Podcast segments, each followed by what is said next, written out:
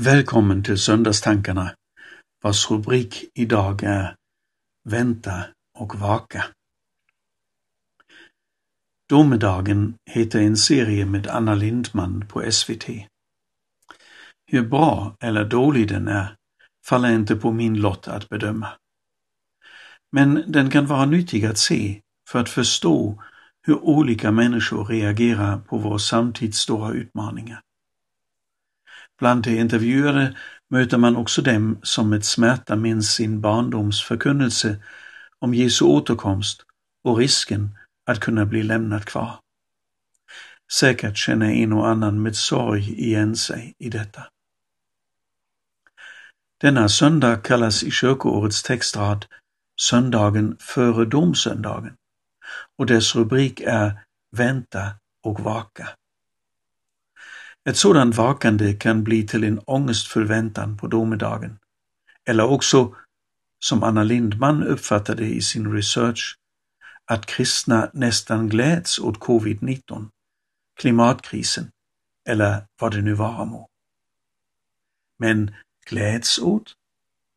Nej, det får bara inte vara sant, tänkte jag. Och om, då är det något som inte stämmer.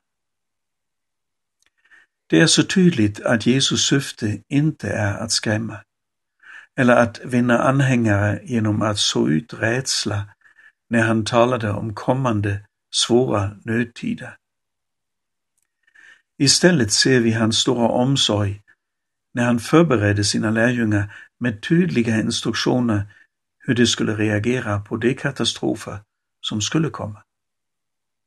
Då som närmast Jerusalems förstörelse av den romerska stridsherren, som var en grym, mycket grym hämndaktion. Samma omsorg ser jag när han beskriver all den nöd som övergår världen före hans återkomst. Hans tårar över människorna i Jerusalem vittnar också om sorgen och smärtan han kände i sitt hjärta när han såg framför sig det lidandet som de skulle gå igenom. Nej, Jesus är inte intresserad i att sprida skräck, utan hans ambition är att rädda. Hans ord var på er vakt, håll er vakna. Liksom hans liknelse om vakandet är en påminnelse om att vi ska vara aktiva i vår väntan, inte passiva med händerna i knät i hans maning. Men när det här börjar hända, så räta på er och lyft era huvuden, för er befrielse är nära. I de orden hämtar jag ny tillit och mod. Så gott det är att kunna fästa blicken på honom. Han ska ju befria, inte jag. Hur gör man det? Vänta och vaka och vara på sin vakt.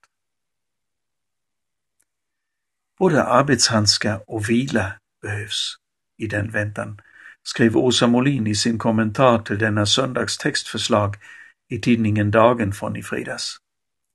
Mycket läsvärt förresten. Kolla på dagen.se.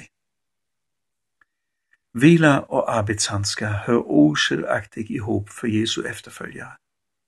Det bästa exemplet på det ser vi hos Jesus själv. En nästan vacker beskrivning av hur arbetshandskarna kan se ut och fylla väntan med innehåll finns i Romarbrevets tolfte kapitel.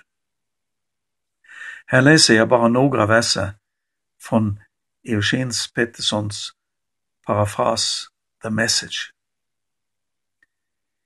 Älska av hjärtat, låtsas inte. Fly för livet från det onda. Kämpa för livet för det goda. Var vänner som älskar varandra. Öva på att spela andra fiolen. Bränn inte ut er. Håll lågan brinnande. Var mästarens påpassliga tjänare, muntra och förväntansfulla. Ge inte upp när det blir tufft. Be desto mer. Hjälp kristna i nöd. Hitta alltid nya sätt att visa gästfrihet. Välsigna era fiender. Dela inte ut några förbannelser i smyg. Skratta med era vänner när de är glada och gråt med dem när de är ledsna. Var hyggliga mot varandra. Sätt inte näsan i vädret. Bekanta er med folk som inte är något. Var inte den som ska vara finare än andra. Kollar du i din vanliga bibel så finner du att kapitlet är fyllt med flera goda råd för väntans tider. Och naturligtvis är ämnet så mycket större än dessa få tankar. Men tar du dessa ord med i din andliga matlåda denna vecka så har du något att tugga på. Ha det gott!